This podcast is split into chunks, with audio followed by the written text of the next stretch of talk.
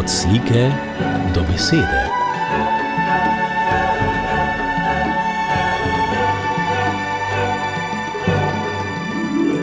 Od slike do besede.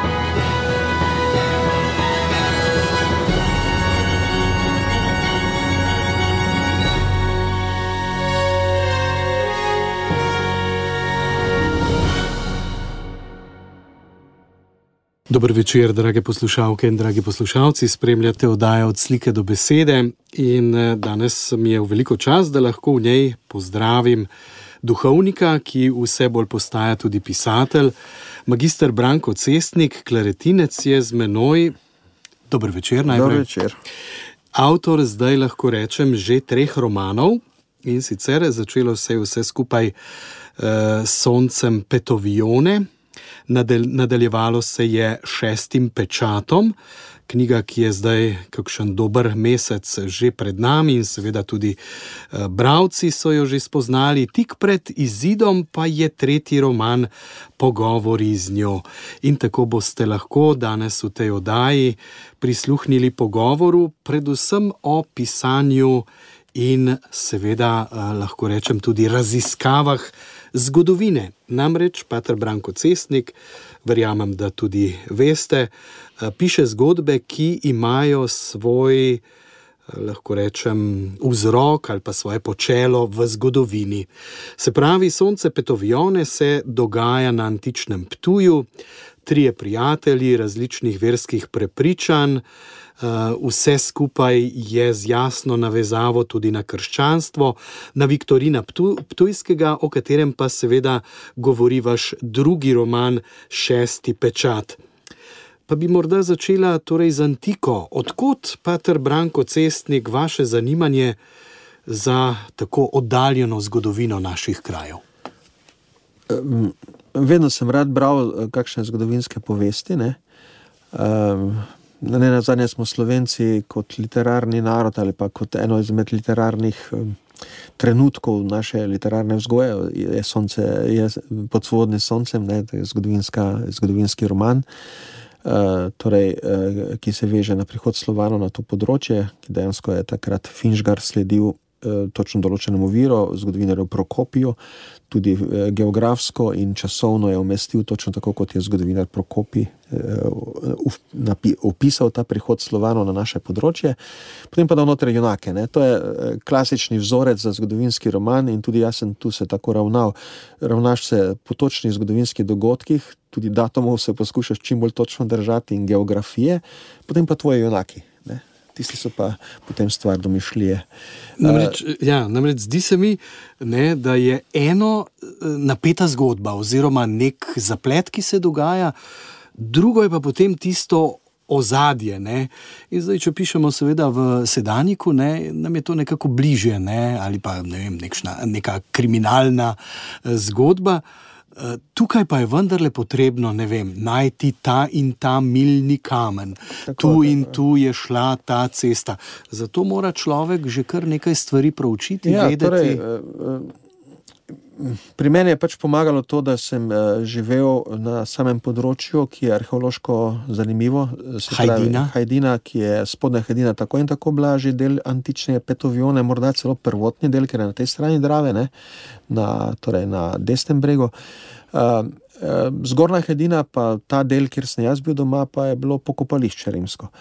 Uh, naša kmetija je stala nekje na meji.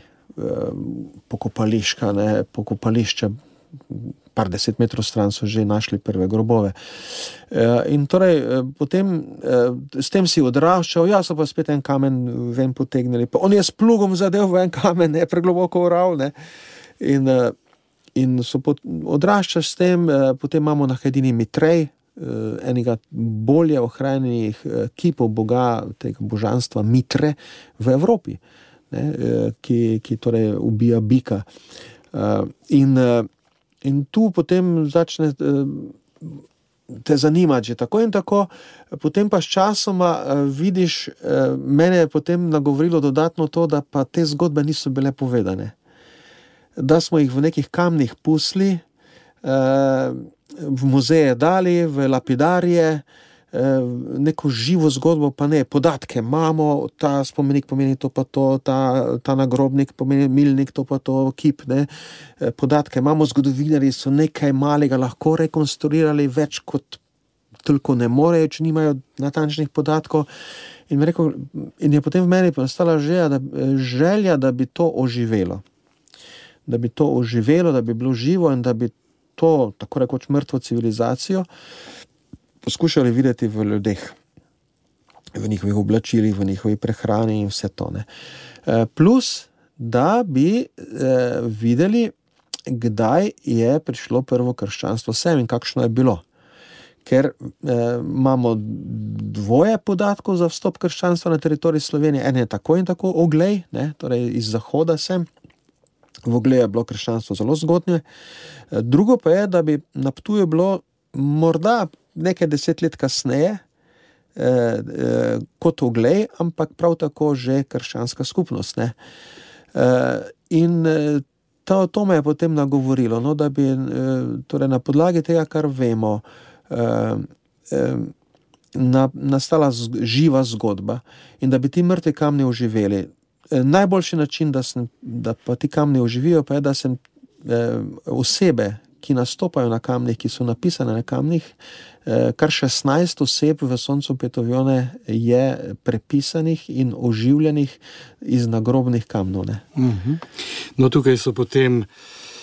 Eh, ta, znani, um, ta znana družina iz Soluna, ne, ki naj bi prinesla uh, krščanstvo na Ptuj, potem so ne vem, nubici iz nekih rudnikov, potem so tukaj uh, seveda um, rimljani kot tisti, ki so prišli in okupirali to ozemlje.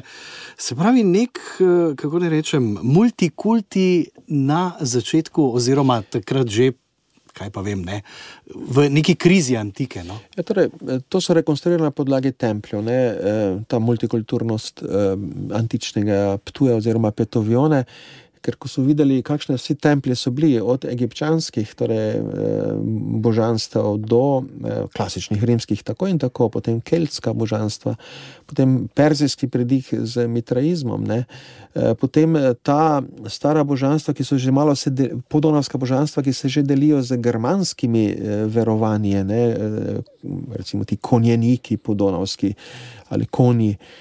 Torej, in je In potem se lahko na podlagi tega vidiš, da so ljudje res prihajali iz vseh koncev sem. Ne? Ali pa recimo tudi imena, eh, so grška imena. Tak, eno ime enega lončarja, na enem loncu so našli napis Biturix. Biturix. Asterix, Obelix, Biturix, to je Galec, ne? logično.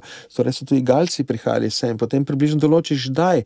Uh, ja, po tem in tem vpadu, ali pa po kugi, ko je bil prazen prostor, se rabila delovna sila, ali pa poslovne priložnosti so se odprle in so se takrat začeli priseljevati.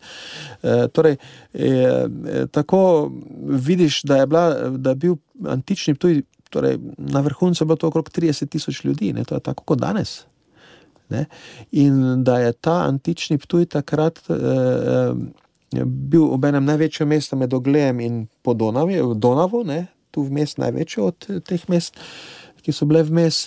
Uh, in da je bilo veliko ljudi notri. No. Bil je pa vseeno eh, klasično rimsko mesto, ker je bil kolonija, recimo celje. Celje, Celeja ni bila kolonija, je bil municipi in je imelo, m, imela neko. Um, samostojnost ali pa neko svojo upravno obliko lahko ohranila, ker je imela veliko starih Keltov, ne, še bila Keltska. Tu pa je bil dejansko rimska kolonija, del Rima na tako imenovanem zasedenem ozemlju. E, in, e, in e, že ta slika je bila zelo zanimiva, no, ker danes govorimo o tej multikulturnosti in tako, ampak multikulturnost je tako vedno bila. Potem pa je bilo zanimivo za me, kako krščanstvo stopa v ta prostor. Ne. Eh, in kako se je pojavilo. In potem sem študiral te vire, in verjetno je prišlo krščanstvo s priseljevanjem z vzhoda po letu 180, ko so se končale vojne z Germani, ko je se tudi ena kuga, velika kuga, izpela, več ni bilo. Eh, in je takrat prišlo do enih večjih selitev iz vzhoda na zahod. Uh, in prišlo je verjetno po reki, ne? Verjetno po kopenski poti, se pravi ob Donavi in ob Dravi gor. Uh, in verjetno kot vmesna postaja Sremska Mitrovica ali, oziroma Sirmijom. Mm. To pač zgodovinari pravijo na podlagi jezika in um, miselnih vzorcev, ki jih najdemo pri Viktorinu Ptujskem. Ker namreč, če pa pogledamo na oglej, ne, tam bi pa prišlo iz zahoda. Ne? Ja, eh, pri Viktorinu Ptujskem ni oglejskih vplivov, uh mhm. -huh. ne v dikciji, ne v tem. Torej, prihajajo vplivi, ki prihajajo direktno nekje iz, uh, iz vzhoda, nekje tam pravijo Sirija, Antiohija, ne, da bi lahko se neka krščanska skupnost naredila Antiohija je bila takrat tretje največje rimsko mesto, ne? Eh, Rim, Aleksandrija, Antiohija. Torej, eh, da bi od tam nekje, eh, Antiohija je bil sveti Peter. Najprej, preden je bil v rimski škof, je bil antiohijski škof, ne sam sveti Peter. Torej, da bi od tam z tistega področja lahko prišla ena skupnost, ki bi potem zasnovala krščansko skupnost na Ptuju, ali pa Mala Azija nasploh, in potem dala tudi ta duhovni in teološki pečat. Ne. Jaz sem potem naredil tako, da moji junaki ne pridejo iz Antiohije, ampak z Male Azije, tu blizu Bizanca, e, in da še nimajo tako oblikovano uh, teologijo ali pa kaj, ker so bolj poslovne, že oni ne pridejo evangelizirati, oni pridejo prodajati blago in se potem ustalijo. No, e, na slovenski literarni prnas ste vstopili z nominacijo za Kresnika za Sonce Petovione. To je pravzaprav za pisca prvenca, kar ena taka velika pohvala. Ne? Ja, sem bil precej eh, presenečen, no, nisem pričakoval, že zato, ker si pač. Eh, Ampak to da zagon. Ne? Da pa zagon, seveda, ne, te opazijo, te berejo. Eh, čeprav sem iz teh le, bi rekel, bolj hm, ne crkve ali ne krščanskih logov, že pred to nominacijo dobival ene pozitivne, zelo pozitivne eh, odzive. Eh, torej tudi laskave, ne, eh, pred samo nominacijo. Tako da potem pa z nominacijo še pa bolj nekako vstopiš v ta prostor. In potem res začneš razmišljati, kaj pa če bi jaz res, kaj pa če res imam poklic pisatelja, zdaj sem se šel, ne, zdaj sem se šel pisatelja nekako, eh, eno tako življenjski projekt sem si naredil, kaj pa če imam to v sebi, kaj če bi še naprej delal, ne, če te začne bralec potrjevati in, in tudi kritika, ne. Eh, in tako je bilo potem, da sem potem se hitro lotil kar naslednjega projekta. Oziroma, Ki pa je na nek način nasled, eh, nadaljevanje, ne? pravzaprav ja ne gre za iste osebe, ne gre za, eh, bi rekel, ampak gre pa za isti kraj. Ne? Isti kraj, oziroma in, in gre Panonijo, za, ja, in gre, gre pa za vpliv recimo tega ne, uh, Viktorina Ptujskega, ki ga v prvem romanu nekako eh, slutimo. Ne? Ja. Tukaj se pa, pa že zgodi. Tu se pa prav nastopa, ne? torej okrog njega se roman zavrti, čeprav imamo veliko drugih oseb. Ne? Uh, Ampak nekje je vedno on navzoč, potem pa v sredini romana pa je glavni lik. Torej, eh, Eh, in uh, Viktorin Ptujski, za razliko od kakšnih drugih močencev, nimamo zgodbe o njegovem učeništvu. Ne? Mi imamo zgodbo o svetem Florianu, o svetem Kvirinu iz Siska, uh, zgodbo o uh, svetem Krizogonu iz uh, Ogleja, pa Kancijani, ti bratje in sestre, Kancijani, to zgodbo imamo.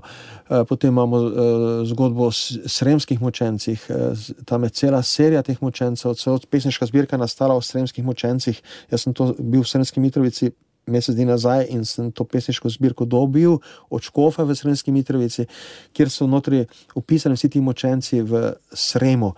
Uh, torej, ki jih častita tako pravoslavna kot katoliška crkva. Uh, Viktor in Ptujski pa nimamo podatkov, kako je bil ubit, kdo ga je sodil, kakšna je bila sodba, ne? kje točno se je izvajalo. Samo imamo podatek, da je bil mučen in ubit. Torej, uh, imamo pa spise. Njegove spise pa poznamo, ja, seveda. Imamo pa spise. In zdaj, nekako podloga, na podlagi spisov ti lahko rekonstruiraš, kakšna crkva je bila takrat, kakšna je bila miselnost, eh, apokaliptika, zelo so se tudi postili, zelo stroga. Ene, in da je bila že precej velika, tako velika, da je Viktorin že bil se sekiral zaradi kristijanov, ki več ne pridejo, se pravi, oddaljeni kristijani so se že pojavljali, ali pa od kristijanov, ki so zelo dobri debaterji, imajo svoje intelektualne krožke. Z revnimi pa se ne ukvarjajo in se ne družijo z drugimi. Ne? Torej, se pravi, da je bila že skupnost kar velika, je bila kar razgibana, oni morajo to nekako skupaj držati. Uh, torej, uh, ne, tu, tu ti pomaga, Potem pa najtežji del je pa bil, ko si moraš dejansko izmisliti njegovo mučeništvo, ker ni dobenega vira. In potem sem pač uporabil eh, primerjalni pristop, kako so bili škofa v Sisku, kako v Sremski Mitrovici, kako v Ugleju. Povsod, eh, torej obglavljanje ali pa utopitev eh, in obglavljanje in utopitev, se pravi obglaviti in vreči v vodo. Torej, ta element vode je bil vedno prisoten. Potem sem prebral od Rajka Bratoža tudi to študijo o utopitvah, ne, tudi Florian je bil utopljen, da dejansko v Balkanu, zahodnem Balkanu, pa v ogleskem prostoru, pa tudi avstrijski prostor v Podonavju, so v glavnem utapljali, uporabljali vodo. In potem sem rekel, mora biti voda. In potem sem vzel vzorec, ki se ga najdeš tudi pri Krizogonu v Ogleju, pa pri Ireneju, svetem Ireneju, Škofu v Srednji Mitrovici, se pravi obglavitev in vrženje trupla v reko. In potem sem šel študirati vse te, kaj to pomeni, vsa simbolika metati v reko, se pravi, to, ti je vzeta pravica do groba s tem in podobno, pa da drugi ne dobijo tvojega trupla. Uh, in celo ustrahovanje, celo to je bilo prisotno, ne, ustrahovanje kristijanov, da če bojo vrženi v reko, ne bodo ostali od mrtvih, ker bodo jih ribe požrle. Ali pa uh, ustrahovanje kristijanov po nekem starem verovanju, če se utopiš, ne moreš duše izročiti iz telesa. Ne? In so te, vsi ti elementi, sem potem preštudiral te elemente, celo eno knjigo sem si nabavil, uh, vse oblike močeništva in simbolika, ki so jo rimske oblasti uporabljale pri kristijanih, eno špansko knjigo, dobro, ki mi je zelo pomagala. Ne? Recimo, da, take malenkosti, da so zavezali oči. Mi imamo to zavezanje oči predstavljeno kot, kot dejanje usmiljene, da on ne gleda v smrti v oči. V bistvu pa je bilo v antiki to mišljeno, da ti onemogočijo pogled proti nebu, da pred smrtjo ti že umreš v očeh. Ne, da, da ti proti nebu več ne pogledaš v trenutku smrti in ne iščeš stika z božanskim. To že pri poganih je bilo to. Zavežimo oči, da ne bo klical bogov. E, in torej, Eh, in te elemente sem potem vse uporabil, eh, da sem to Viktorinovo smrt, eh, mučeništvo in smrt nekako sestavil, rekonstruiral in bralec bo pa povedal, kako pa kaj. Uh mhm. -huh. no, če jaz povem, eh, sonce Petovione, tako bolj filozofsko, nekako teološko, nekako ne, eh, šesti pečat, morda malce bolj. Eh, ne bom rekel lahkotno, ampak kriminalka, ne, se pravi, ja. uh, se dogaja še nekaj napetega zraven. Ja, tako, ja, zdaj, tako je, ko je lov na kristijane. Pri Soncu Petrina sem prav razmišljal. Ne, na koncu sem razmišljal, da bi dal eno mučeništvo.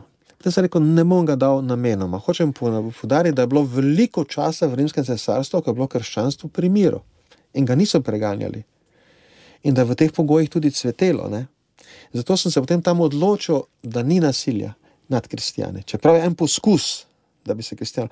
In sem pustil roman v tej le bolj tako razmišljajoči, ambientalni ravni, ne, da nekako pa da spoznamo to civilizacijo, da to vse zraste. Tu pri tem pa, potem, eh, tu pa se akcija sama po sebi ponuja. Ne, in to akcija, ker sem potem šel brati, kako je bilo z mučenci, so se skrivali, seveda so se skrivali, so bežali v gore, so bežali v gore, so bežali v druge province. Ja, um, so na, na skrivaj se vendarle dobivali in imeli kakšno evharistijo, tudi te primere imamo. Ne. In tu imaš polno elementov, torej totalnega zatiranja strani države in obenem ene podtalne cerkve, nevidne cerkve, ki poskušajo preživeti. In lov na ljudi. Ne? In to so elementi kriminalke na koncu, ne? ki jih se da uporabiti, in se pač uporabo. Odlično. Peter Branko Cestnik, greva pa zdaj še k tretjemu romanu, ki bo išel pred koncem leta. Pogovori z njo, pisano z veliko. Zdaj pa nismo več v antiki, ampak smo v času druge svetovne vojne. Se pravi, zgodovina spet, ampak ne tako zelo oddaljena. Je tako oddaljena, pa ne tako, kot bi pričakovali druga svetovna vojna. E, tu mi pač pričakujemo slovenski prostor in, e, in našo tragedijo, ne se pravi okupacija, fašizem, nacizem, potem pa ta notranji konflikt. konflikt uh -huh. Eh, komunistična revolucija, protikomunistično gibanje in vse to, eh, povojni poboji. Ampak z vidika mobiliziranca v tuji državi. Slovenci je mobiliziranec v tujini, eh, torej njegova pot, njegovo preživetje. In vzel sem pa za osnovo pripoved mojega starega očeta, ki je nam ni veliko povedal od vseh teh dogodkov, bil je v Franciji, bil je v Nemčiji, pač malo približno vemo njegovo pot, ne vemo točno krajev, točno datumov. Uh, povedal pa je par zanimivih srečanj z ženskami v Franciji, ko ga je ena ženska nahrulila v trgovini, kaj to dela, on je Jugoslav. Ne. On bi se moral doma boriti proti Nemcem, ne pa da tu Francijo tlači.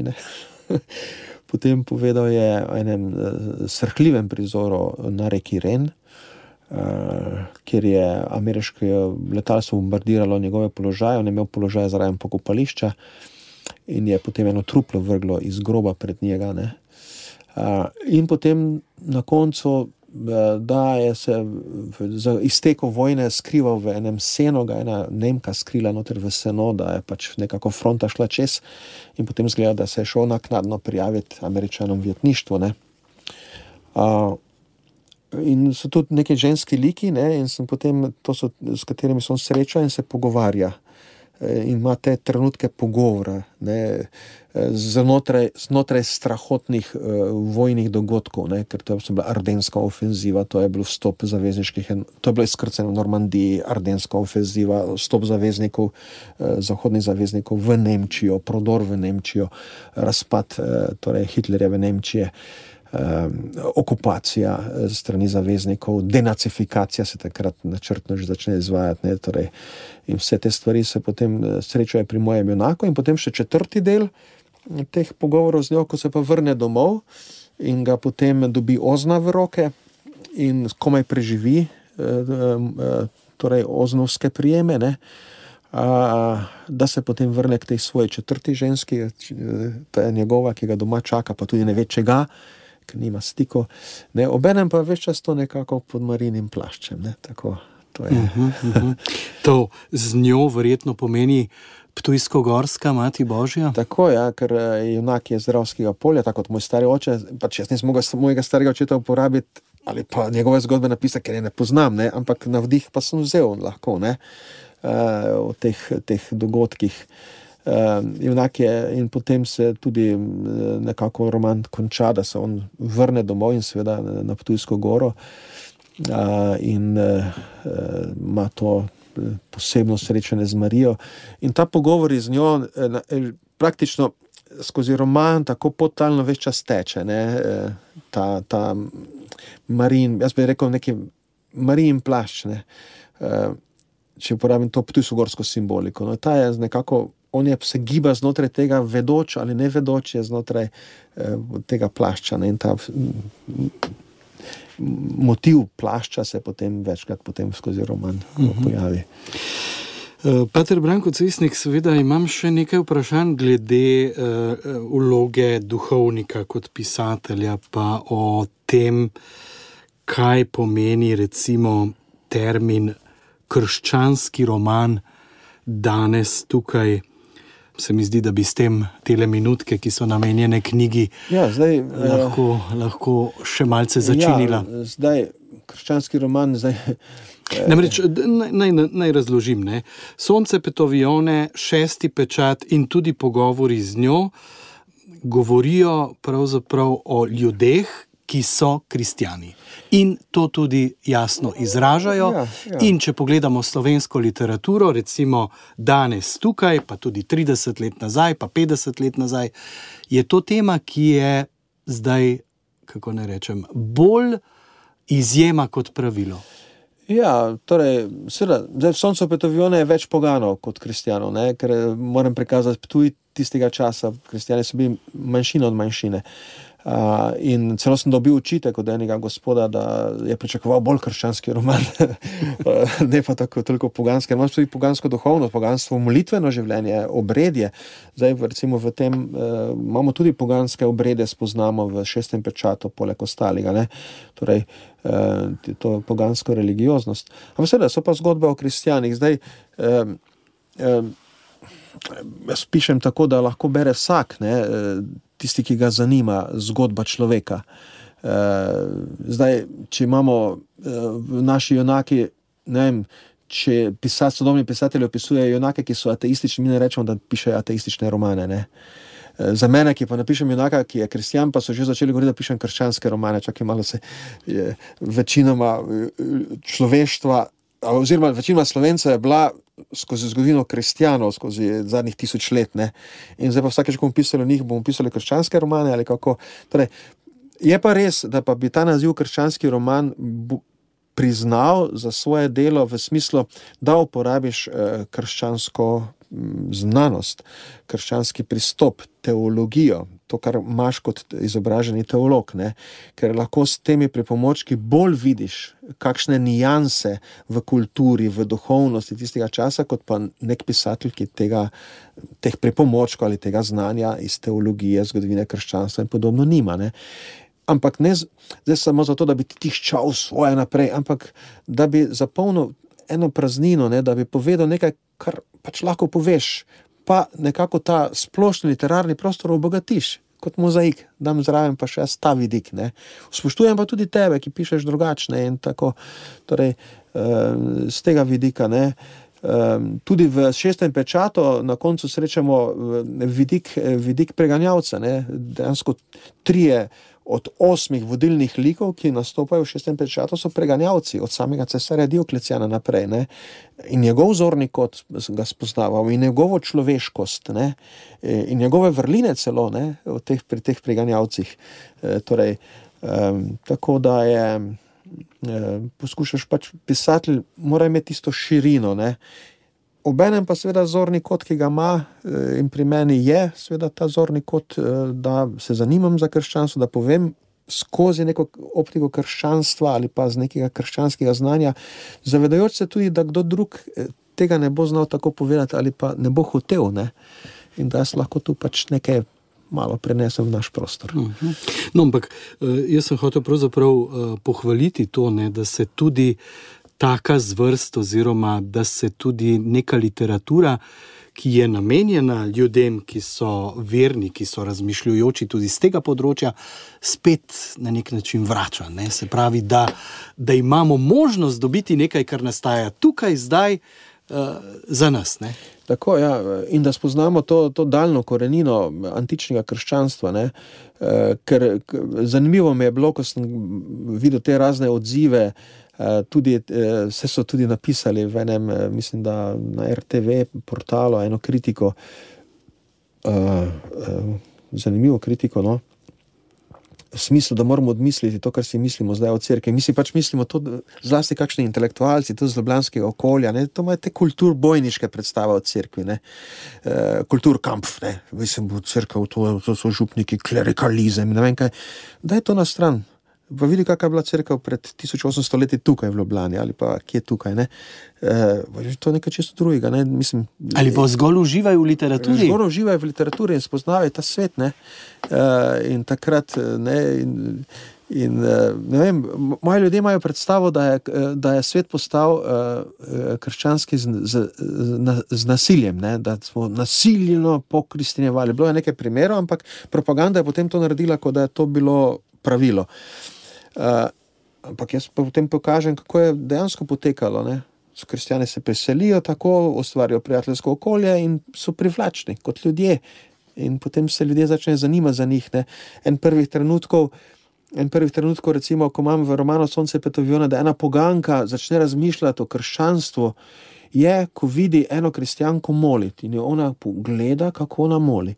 In vidi, da ne moli dobene podobe, pa nič, da samo je obrnjena tam gor proti nebu in da moli kot v duhu in resnici. Torej, drugače kot pa pogani, ki potem nekaj hočejo od božanstva, pa trgujejo z njim, pa se ga bojijo ali pa tako in potem zanima, kaj to je, da ona lahko tako moli. Ne? In potem se počasi približa krščanstvo. Torej, eh, te vidike razne, ne, zanimive ki jih morda v tej, to 20. stoletje, pa to novo stoletje, ne tega boja med crkvijo in državo, med kulturo A in kulturo B, med krščanstvom in postkrščanstvom, skoraj da ne vidimo, so pa dejansko zgradili našo civilizacijo. Tako, drage poslušalke in dragi poslušalci, to je bil pogovor v oddaji od slike do besede, pisatelj, duhovnik. Magistr Branko Cestnik je bil z nami. Naj povem, da so knjige Sonce Petovione in Šesti pečat že na voljo, roman Pogovori z njo pa šele prihaja. Vse knjige zalaga lahko rečemo, matična založba Celska Mohorjeva in pri njej v letošnjih večernicah redne zbirke bo išla tudi knjiga Pogovori z njo, torej o mobilizirancu, slovenskem fantu v nemški vojski. Hvala lepa za vaše besede, za to, kar ste nam povedali o pisanju, o antiki, o knjigah. O knjigah ja. Dejansko imam, naj samo napovem, no, da pač to Sonce Petovjona šesti pečat, to je mišljena kot trilogija. In, da zdaj začnem delati tretji del tega, te, jaz bom to imenoval panonska trilogija, ker poleg tega se še bo bolj dogajalo tudi v širšem panonskem prostoru. Eh, torej tretji del te panonske trilogije, ki pa bo išel čez kakšne dve leti. Uh mhm. -huh. In eh, jaz pa naj povem še to, ne, da, gre do, da gre sta ti dve knjigi, Sonce Petovione in Šesti pečat, v prevodu tudi na Frankfurtski sejem. Ja, Šesti pečat še neko je, Sonce Petovione pa deli poglavi, nekatera poglavja so prevedena v angleščino in nemščino in gredo um, nekako kot v, v okviru reprezentance Slovenije ne, eh, na Frankfurtski knjižni sejem. Tako da bo tudi videti zanimivo. Jaz tudi po redovniški liniji, po svoji liniji sem eh, pač to knjige dal v vse naše arhive, kleretinske, tudi recenzije v večjih jezikih bomo dali kot kleretinci ven. Obenem pa smo s Škofom Lipoškom na njegovo pobudo eh, Sonce Pedovjone in šesti pečat predstavili v Srenski Mitrovici Škofu in v enem pravoslavnem samostanu blizu Novega Sada. Hvala lepa tudi za to informacijo. Vse dobro želim. Hvala lepa.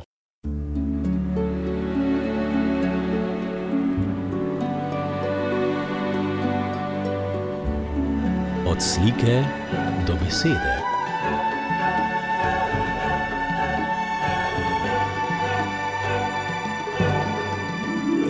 Od slike do besede.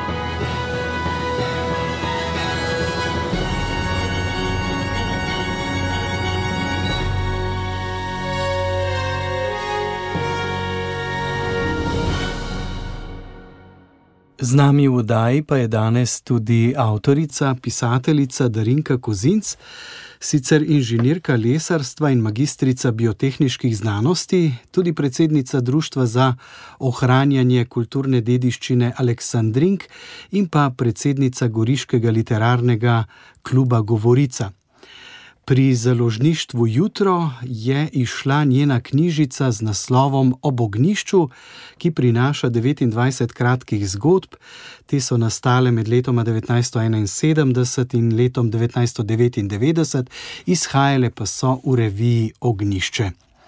Najprej, gospoda Rinka, lep pozdrav. Tudi vam lep pozdrav, hvala za povabilo in seveda tudi vsem poslušalkam in poslušalcem Radia Ognišče. Vi ste letnik 1954, kar pomeni, da je prva vaša zgodba v ognišču, če prav računam, ne, leta 1971, išla, ko ste bili še dijakinja. Ja, na nek način uh, sem sodila med, uh, v razredu med tiste, ki so jih imeli profesori slovenskega jezika, ponavadi najraje. Tega daru, seveda, se nisem niti sama zavedala, ampak nekako je bilo vse zelo spontano tako moje sodelovanje pri različnih šolskih časopisih, recimo spisih, seveda, branju spisov, tudi pri proslavah in tako naprej. Tako da na nek način sem vedno pomalem, ne da bi se sama tega sploh zavedala, vedno kaj pisala v neke zvezke in potem to tudi veliko krat zgubila. No. Mhm. Kako pa je prišlo do sodelovanja z ogniščem?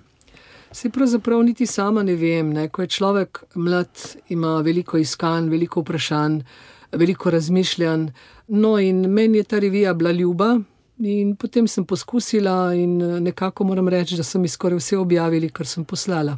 Tako poslali ste na slepo, počakali in je bilo objavljeno. Tako nekako. Ja. Imela sem pa seveda pod kontrolo, če, če, mi je, če mi je bilo, če je bila moja zgodba objavljena, tako da sem vedno polistala. In seveda, imela sem navado tudi, da sem potem ognišče kupila, tako da imam zbirko kar doma. Pisali ste pod psevdonimom Dada oziroma tudi Nino. Zanimivo je, da čeprav so takrat očitno vsi brali ognišče, ne, pa se z imenom in primkom takrat ni bilo dobro izpostavljati. Ma gledajte, nasplošno je mogoče krivo tudi, tudi način vzgoje da naj se ne bi izpostavljali tako ali drugače. Tudi to mogoče, ampak um, kako bi rekla, um, bila sem v zadregi na nek način. Tudi ne vam pove, pošteno povem, da recimo, mislim, da v četrtem ali petem razredu so z mojim imenom in primkom na Radio Trst A prebrali eno zgodbo, ki smo pač imeli neka oddaja, bila za mlade in tako.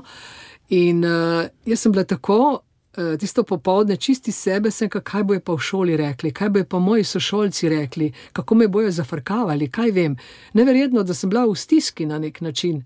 Ne? Zgleda, da um, te priuzgojene samozavesti takrat mi nismo imeli. In smo se dejansko bali izpostavljati na tak ali drugačen način. Kot vidite, je bilo treba kar dolgo let, da sem se okorajžila. No, to je bil en, ena možnost, torej, da se niste hoteli izpostavljati, druga pa je bila, da človek tudi potem, če je pisal za ognišče, politično ni bil ustrezen. Recimo tukaj imamo drugega znanega pisatelja, ki je pisal za ognišče, to je bil Janko Jart Smiljan. Ne? Verjetno ste tudi njegove zgodbe brali v ognišču. Smiljan je bil, ja, ja. Eh, lahko rečem, tak pojem. Ne? In tudi on se je pravzaprav razkril šele konec 80-ih let. Ja, mogoče tudi to, ne? ker. Eh, kako bi rekla, jaz uh, osebno uh, nisem imela težav, jaz sem pač hodila k maši, k nauku, mene so doma poslali, ne glede na to, da je bil moj oče, uh, moj oče je bil partizan, to moram poudariti, uh, mi smo primorci, vemo, kako je bilo pri nas. Ampak je rekel, veš, mislim, da je prav, da greš, ker ne slabega te ne bojo naučili. In uh, zanimivo je bilo to, moja prva izkušnja je bila tudi ta, ne, ko smo tam mečkine otročke hodili k nauku, je rekel, je rekel župnik, ko je gledal tam moje risbe, zapise, ne vem, kaj smo neki morali delati, rekel, veš kaj pa iz tebe pa še neki boje, rekel, ne, to smo bili vaški otroci, sem živela na vasi, se pravi v Vipavski dolini, v eni majhni vasi in uh, so, so razmerja tam bila nekoliko drugačna mogoče kot v mestu.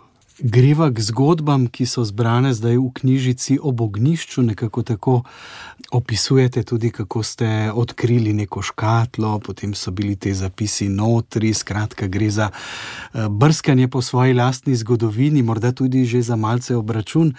Očitno vam je bilo lepo prebiranje tega, kar ste odkrili, recimo pred nekaj leti. Morda? Tako je. Ja. Eh, drži, nekako sem. Eh, imate prav, ko pride človek, eh, nek, v, nek, bi lahko rekli, v zadnjo tretjino življenja, eh, dela tudi obračune, pa tudi uh, postaneš, gledaš na, na preteklo življenje drugače. In ko sem jaz to mal prebrala, se mi je zdelo, da mogoče pa res ne bilo slabo to objaviti kot nek obračun za preteklostjo, z nekim iskanjem, z nekim svojim eh, pogledom, opazovanjem, ker te zgodbe so, lahko bi rekla, obče človeške, te vrednote so večne, ki sem jih jaz zaznavala v svojem okolju, v svoji sredini, eh, opazovala, ker to so bila tudi moja opazovanja, ker vedno v vsaki zgodbici je seveda del tistega, kar ti doživiš, kar vidiš, kar opaziš, del tudi tvojih vrednot, recimo. Eh, tvojih eh, iskanj, eh, tudi tvojih žalosti. Skratka, vse to se mi je zdelo primerno, da mogoče bi bilo tudi za jih zbrati in jih zdati v, v neki knjižici, da ne bi to šlo čisto v pozabo. Tisti, ki so jo brali, so rekli, da jim bilo to simpatične, lušne. Dobila sem kar nekaj komplimentov in meni se zdi to zelo tako te malo poboža po duši, ne na zadnje. Ne? No, ampak ti komplimenti so vas spremljali že takrat, ko je zgodba išla, recimo sredi 70-ih eh, let, se vam ne zdi? Ja, to je bilo nekako. Um, Kako bi rekla? Tudi tisti, za mladega človeka ne, ja. je to nagrada, ne, če je zelo objavljeno. Ja. To je bila zelo velika nagrada. To je, uh, to je občutke, so nepopisni, recimo, ne, ko dobiš uh, svojo potrditev. Ne. Ampak si pravim, zgleda, da mogoče smo bili vedno premalo vzgajeni v samozavesti, vedno nekje bolj v ozadju, vedno ne hodil v prvo vrsto in tako naprej. Kako bi rekla, je bilo to nekako skrito na nek način, ne? zdaj sem pa to dala na plan. Mhm. Če danes govoriva o tej formi kratke proze, kaj je taka zgodba pomenila takrat in kaj pomeni danes? Recimo? Dobro vprašanje. No, vsekakor ugotavljamo, da branje v preteklosti je bilo veliko bolj razširjeno, da žal, nažalost, danes knjige kako bi rekla, mladim, ne vidiš več mladih toliko s knjigami, kot vidiš za pač temi pametnimi telefoni in podobnim, kar pa seveda ne pomeni, uh, da knjiga ni tista, ki še vedno pritegne. Uh, mi smo bili generacija knjige, ker pač drugega nismo imeli in knjiga je bila naš stalni spremljevalec. Knjiga je bila tisto, recimo, ki nas je peljalo v drugi svet in si lahko, ko si ugotovil to čudovito dejstvo, da lahko s knjigo odpotuješ kamorkoli. Eh, tudi če si v svoji sobi ali pa pod figo, bom rekla, pri nas. Eh, skratka, je bila to ena čudovita, eh, čudovita izkušnja. Kratke zgodbe pa se mi zdi, da so danes bolj brane kot romani. Ljudje še vedno radi preberejo nekaj kratkega, um, recimo, ker to jim, mislim, tem mogoče tem času uh, nimam časa, imam toliko opravkov, sem toliko sem zaposlen, mogoče pa le najdejo trenutek, da preberejo nekaj, nekaj kratkega. In se mi zdi, da so kratke zgodbe danes celo mogoče malo bolj moderne, kot so bile takrat. Uh mhm, -huh, to je res, ampak žal pa še bolj kratke, kot so te zgodbe iz ognišča. Se strinjate? No, tudi to ne. Se, se še krajša. ja, mislim, še krajše, ampak zdaj prihajamo pa tudi že recimo na, eh, zlasti na slikanice, ker meni se ne zdi to najbolj. Najbolj primerno, eh, brez besed, ne? se pravi, da si izpoveš samo za sliko. Um, jaz za me knjiga brez, brez črk, brez uh, besed, brez uh, stavkov, ni prava knjiga. No. No, je pa slikanica, je pa strip. Je pa slikanica iz strip, ampak je to trenutno v usponu. Sicer jaz se vedno to lažim, da vedno se to pomika v obliki sinusoide in uh, gremo mal gor, pa mal dol in se vse spremenja. Mm -hmm. Še nekaj bi bilo seveda dobro omeniti, če govoriva o teh zgodbah, ki so izhajale ob ognišču. Jasen je ta moralni nauk. Ne? In sicer je bil v 70-ih in 80-ih in tudi v 90-ih postavljen ob vseh teh naših vrednotah, ki so naš narod klesale tekom stoletij in tako naprej. To pa se zdaj, recimo, v zadnjih letih morda relativizira. Kako pa na to gledate? Ja, To imate prav. Takrat je bilo izrazito temu, da je bila neka, oziroma vsaka kratka zgodba mora imeti svoje sporočilo. Mora imeti tudi za ognišče, recimo v tem primeru, uh, je bilo to izrazito Eh, se pravi, nekako v smislu vzgojnega, vzgojnih načel. Se pravi, sporočilo v tem smislu, da tudi če je v tem trenutku hudo, mogoče jutri ne bo tako hudo, ampak da tudi tiste splošne eh, vrednote vedno dajejo, dajejo pozitiven, pozitiven učinek v življenju. In mislim, da to, to je nekje tudi že izhod iz pravličnega sveta, iz pravlic, recimo, ne, ko eh, ta žanr, recimo zgodb, recimo v tem primeru, kot pravim, za ognišče, je nekje šel po tej, eh, po tej poti in jaz sem to tako tudi razmišljala in tako tudi, tudi delala. Danes zagotovo, eh, zagotovo tudi recimo v otroški literaturi opažam, ki se ji eh, tudi posvečam, da to izginja. Recimo, ne, ker pravljice so bile tipične, tiste, ki so vzgajale um, vse nas, Eh, tudi starejše bi morali včasih. In eh, recimo opažam pa, da to eh, izginja, zdaj ko malo bolj spremljam um, to otroško literaturo. Da pa ni vedno te sporočilnosti, nekatere med njimi veljajo za ohinah, ne recimo današnjega časa. Za me še vedno pa mora imeti zgodba neko, neko sporočilo, ker sem sama predvsej pozitivno naravnana, eh, gledam na življenje pozitivno in se trudim tudi tako živeti. Eh, mislim, da je prav, da je ta, ta, ta sporočilo čim bolj eh, take sorte. Uh mhm, -huh, jasno. Če govorimo o teh 29 zgodbicah, če zdaj le pomislite na knjigo, katero zgodbo bi izpostavili? Ja, nehvaležno, ne, avtorju reči. Namreč to sprašujem zaradi tega, ker pišete v vodu, da ste pogledali ognišče, prelistali in ste se takoj spomnili, katera zgodba je. Ja, točno tako. Čisto vse zgodbe sem se spomnila, katere so moje. Mislim, nobene nisem zgrešila. E, mogoče sem je kakšna izmuznila, recimo v smislu, e, niso, verjetno niso vse ne, ampak tudi kakšna mogoče so si bile podobne, pa sem kakšno izločila. E, mogoče bi vzela tole stari Ivan in potonike. Ne, da mi je toliko blizu, to sicer nisem imela 17 let, ampak sem bila že malce starejša. Ampak eh, recimo, eh, se pravi, ta osamljenost starejšega človeka, ki je danes tudi še zelo, zelo prisotna, oziroma zmeraj bolj prisotna, govorimo, delamo na tem, pa vendar se to mm, spremenja. Ne bom rekla, da ne, smo naredili veliko korakov, ampak še zmeraj, še zmeraj so osamljeni ljudje starejši zlasti. Eh, in recimo tam je tako, da tudi delaš zdaj obračun za življenje, tudi sama ga že delam. me se je spet nekako dotaknila, no? da sem jaz pač takrat to napisala. To vas sprašujem tudi zaradi tega, ker namreč eh, revija Ognišče v teh 70-ih letih in recimo prej je bila res tako trendovsko namenjena predvsem mladim. Danes, če jo pogledamo, je morda publika starejša. Drži, sem opazila. Ja. In vi, in vi, ko ste pisali kot dijakinja in mladostnica, ste pravzaprav zdaj v funkciji, da nagovarjate pa starejše, recimo ob izidu te knjige. Zanimivo, ne? No, jaz mislim, da, eh, da bojo prav starejši posegali po njej. Ker tudi tisti, ki so jo prebrali, so starejši in eh, so se mi tudi oglasili, eh, ker ni lepšega, kot ste rekli, da dobiš nek odziv najprej eh, v mladosti, da vidiš objavljeno zgodbo, potem pa da dobiš odziv bralca. Se pravi, da vsaka knjiga ali zgodba dobi tudi svojega bralca in če se ta odzove, je to za tistega, ki je ustvaril ali za pisatelja nekaj najlepšega. In dejansko so se mi do zdaj odzvali starejši. Ob ognišču, ne, eh, naslov je tudi, lahko rečem, metaforičen, dvojen. Ognišče po eni strani vaše eh, babice ognišče, ne se pravi iz hiše, iz katere izhajate, in pravite, da tega ognišča več ni, ker je bila mama napredna.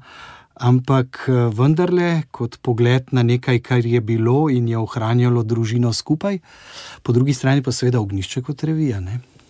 Ja, mislim, da je bil naslov že tudi revije same, pa tudi radio, ne na zadnje, zelo primerno izbran, ker to je dejansko ljudi povezovalo.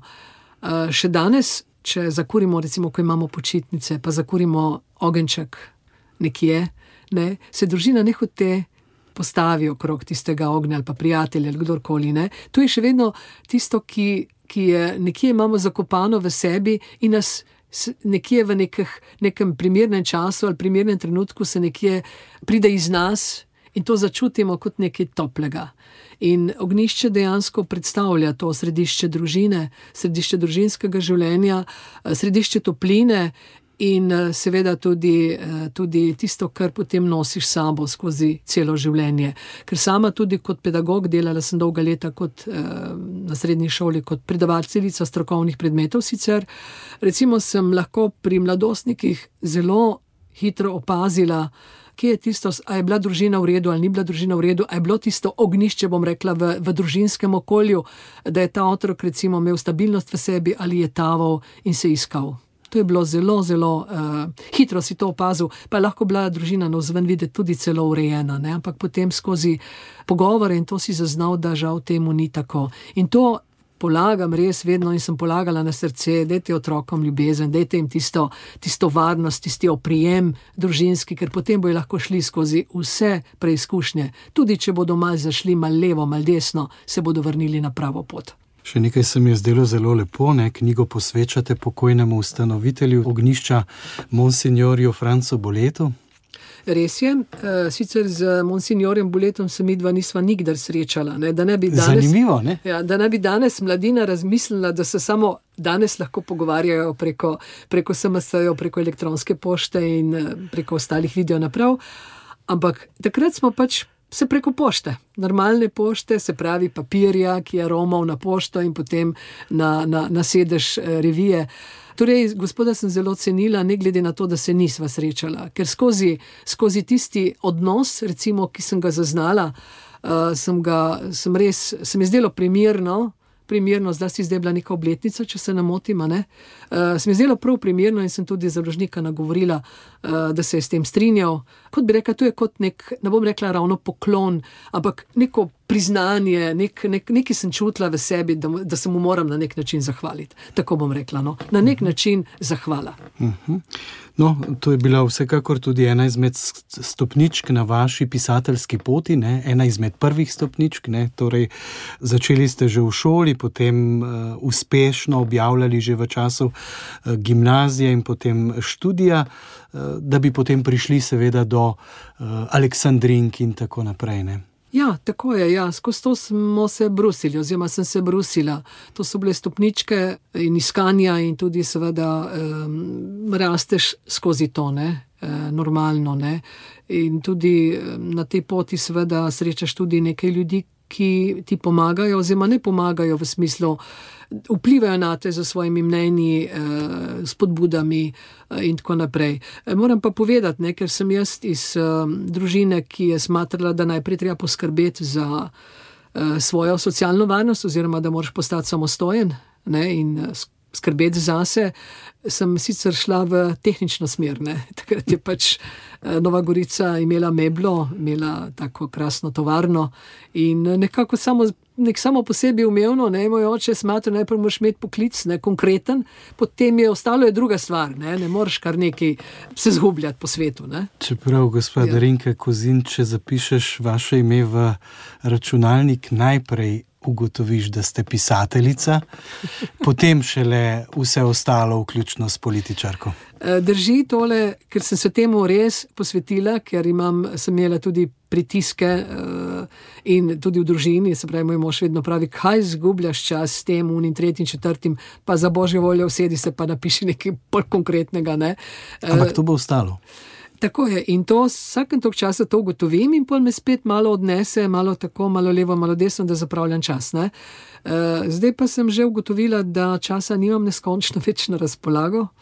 Treba je pa tudi to povedati, ne? ko imaš družino, ko imaš otroke, um, ne ostaja veliko tega. Ne? Jaz sem vedno sicer pisala, ampak um, ostajalo mi je samo za kakšne pravljice, recimo kratke sobote, nedelje. Ne? Ali pa kakšne kratke zgodbe. Ne? Ve, kaj več takrat nisem napisala, ne? ker preprosto ni bilo časa. Ko so otroci mehni, te potrebujejo in uh, jaz sem to vzela z vso resnostjo in odgovornostjo. No, čeprav otroci so zdaj že veliki, ne? Ne, ne, zdaj ni nobenega problema, ampak hočem reči, govorim takrat, zdaj, zdaj imam se pravi več časa, več. Uh, Lažje se temu posvečam in tudi uh, knjige, kar izhajajo. Priporočiva ob koncu le še k branju poslušalkam in poslušalcem Radia Ognišče, ki verjamem, da so tudi bravci revije Ognišče, knjigo ob ognišču. Tako je, trikrat ognišče in jaz jim želim tudi prijetno branje. Kot pravim, če niso ravno uh, navdušeni bralci, vsak večer eno zgodbico pa bo. 29 jih je v knjigi, eh, nosi naslov Bognišču, knjiga pa je šla pri založništvu jutro. Pisateljica Darinka Kozinc, hvala lepa za ta prijazen pogovor, za to, da ste nam razkrili delček ozadja nastanka teh zgodb in seveda želim veliko ustvarjalnega nemira še naprej, pa še kakšno knjigo, ki jo bomo predstavili potem takole. Najlepša hvala in tudi vam vse dobro.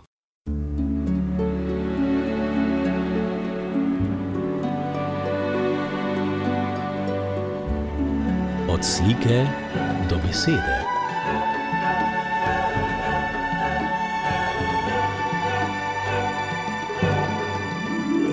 Od slike do besede.